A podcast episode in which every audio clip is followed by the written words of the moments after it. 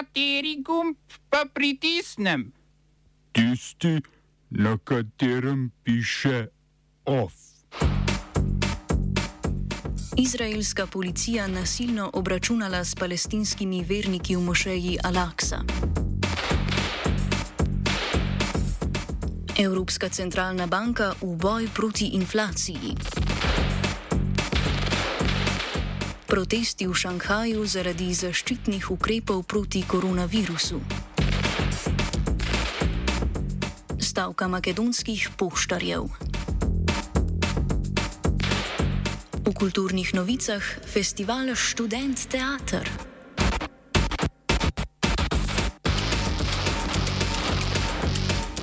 Po jutranji molitvi v mošeji Al-Aqsa na tempelskem griču v Jeruzalemu so okupatorske izraelske oblasti udrle na prizorišče.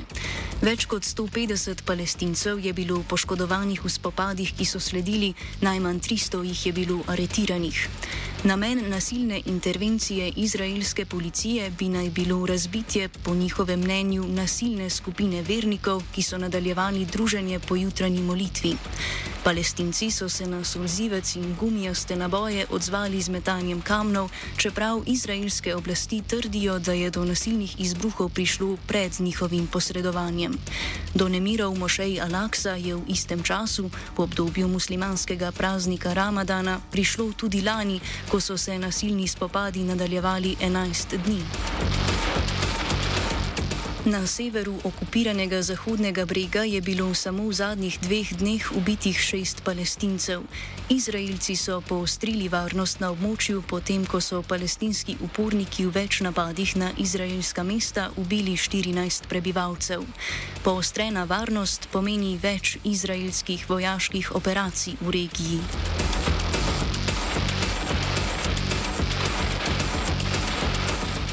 Ukrajinski parlament je Rusijo razglasil za teroristično državo, njen režim pa za neonacistični totalitarizem. Poleg tega je parlament z novo zakonodajo prepovedal simbole, ki so povezani z invazijo na Ukrajino, med katerimi so simboli ruske vojske in ruskih oblasti.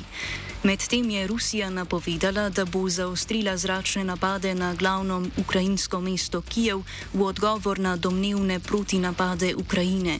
Rusija je Ukrajino obtožila, da je z dvema helikopterjema bombardirala mesto v južni ruski regiji Brjansk. R Ukrajina je vse obtožbe zavrnila. Je pa zaenkrat brez dokazov prevzela odgovornost za uničenje ruske vojaške ladje Moskva na Črnem morju.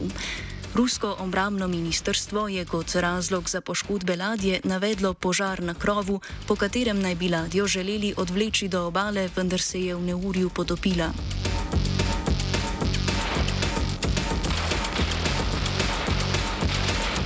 Vlada Združenega kraljestva je zamrznila premoženje dvem ruskima oligarhoma, ki sta povezana z Romanom Abramovičem. Gre za lastnika nogometnega kluba Chelsea FC Eugena Tenenbauma in direktorja Davida Davidoviča. Njuno premoženje je ocenjeno na približno 12 milijard evrov, gre pa za največjo količino zamrznjenega premoženja v zgodovini Združenega kraljestva.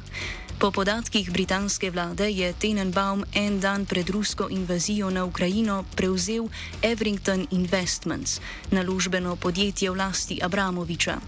Isto podjetje je pred mesecem dni od Tenenbauma prevzel Davidovič, ki mu poleg zamrznitve premoženja groži, grozi še prepoved potovanja. Združeno kraljestvo je nove sankcije uvedlo dan zatem, ko je sodišče kanalskega otoka in davčne oaze Jersey izkaz, izdalo ukaz za zamrznitev 6,5 milijarde evrov premoženja povezanega z Abramovičem.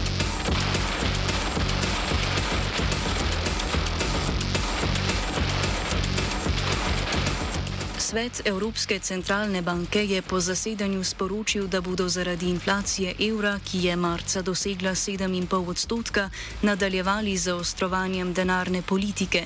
Banka torej ustraja pri načrtih za postopno ukinjanje izrednih finančnih spodbud. Obrestne mere zaenkrat ostajajo nespremenjene, a naj bi se začele dvigovati postopoma po koncu odkupovanja državnih obveznic. ECB je konec marca končala pandemični program nakupov državnih obveznic, zatem pa se je skrajšal in zmanjšal redni program nakupov obveznic. Te ukrepe je banka sprejela, da je državam omogočila ugodno zadolževanje in financiranje protikoronskih ukrepov. Prenehanje rednih nakupov v tretjem četrtletju je moč razumeti kot prvi ukrep, ukrep za znižanje inflacije. Odločitev komentira Bogomir Kovač, profesor na ekonomski fakulteti v Ljubljani. Dolgo časa so monetarne oblasti predvidevale, da bo inflacija bolj ali manj kratkoročnega značaja, zato so dejale prednost eh, reševanju recesije oziroma pospeševanju eh, gospodarske rasti trajanje torej pri ekspanzivni monetarni politiki in nizkih obrestnih merah eh, naj bi se nadaljevalo še vse leto 2022. Toda izkazalo se je, da je inflacija seveda predvsej bolj trdoživa, da so vsi nastavki za to, da bo to srednjeročni eh, ekonomski fenomen in eh, od to seveda odločitve najprej ameriške centralne banke in potem še potem drugih, da postaja inflacija tako pomemben faktor, da je potrebno obrniti po desetih letih eh, monetarno politiko iz ekspanzivne v restriktivno, kar pomeni, da eh, centralne banke začenjajo z ukrepi omejevanja ponudbe denarja in seveda tudi višjih obrestnih mer.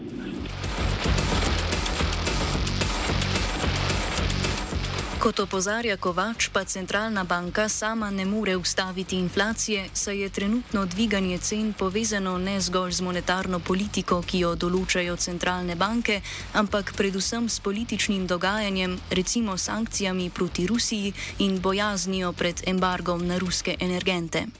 Ta inflacija, pravilno ste ugotovili, ima eh, širše ponudbene korenine, inflacija je hkrati tudi psihološki fenomen, se pravi stvar nekih inflacijskih pričakovanj.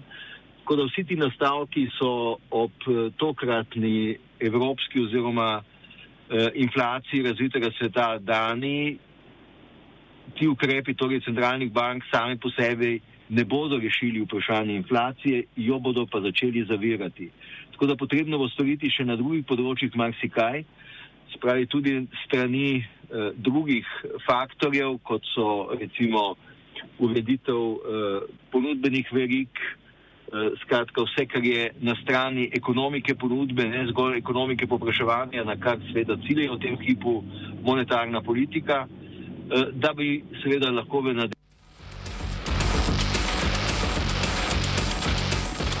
V šanghajskem stanovanskem naselju so izbruhnili protesti, potem ko so bili prebivalci 39 stanovanj primorali zapustiti svoje domove, ki bodo postali območja za karanteno. Število okužb z novim koronavirusom v Šanghaju narašča. V mestu s 25 milijoni prebivalcev na dan zabeležijo celo do 20 tisoč okužb. Mesto je zaradi ukrepov povsem odrezano od preostale Kitajske. Strogo zaprtje javnega življenja se je začelo konec marca, prebivalci pa s protesti že več dni opozarjajo na primankovanje hrane.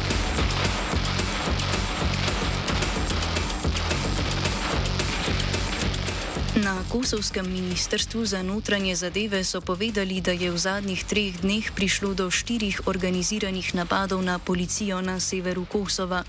Zjutraj so dve policijski vozili v bližini mejnega prehoda s Srbijo napadli neznanci, oboroženi z ročnimi bombami in avtomatskim streljnim orožjem.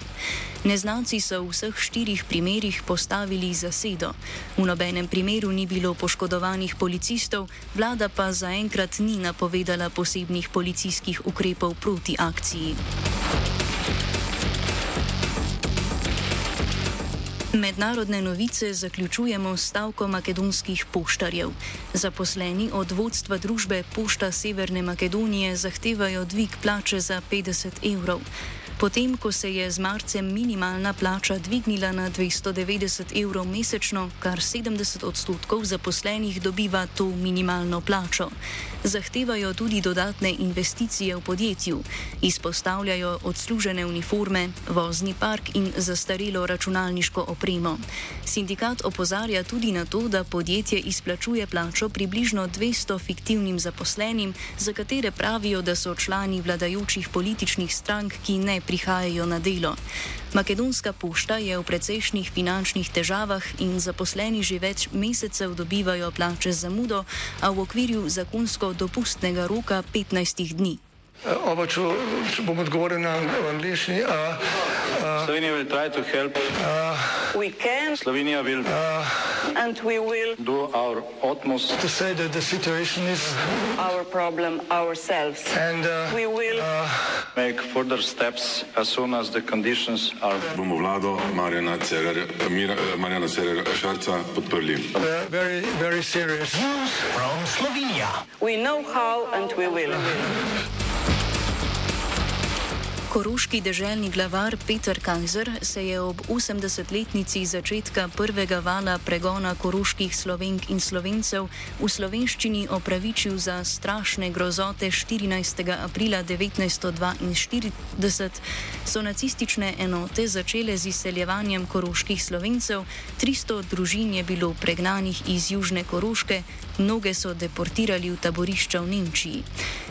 Kajzer je dodal, da bo storil vse, da se kaj takega nikdar ne bo ponovilo in se zahvalil Zvezi slovenskih pregnancev.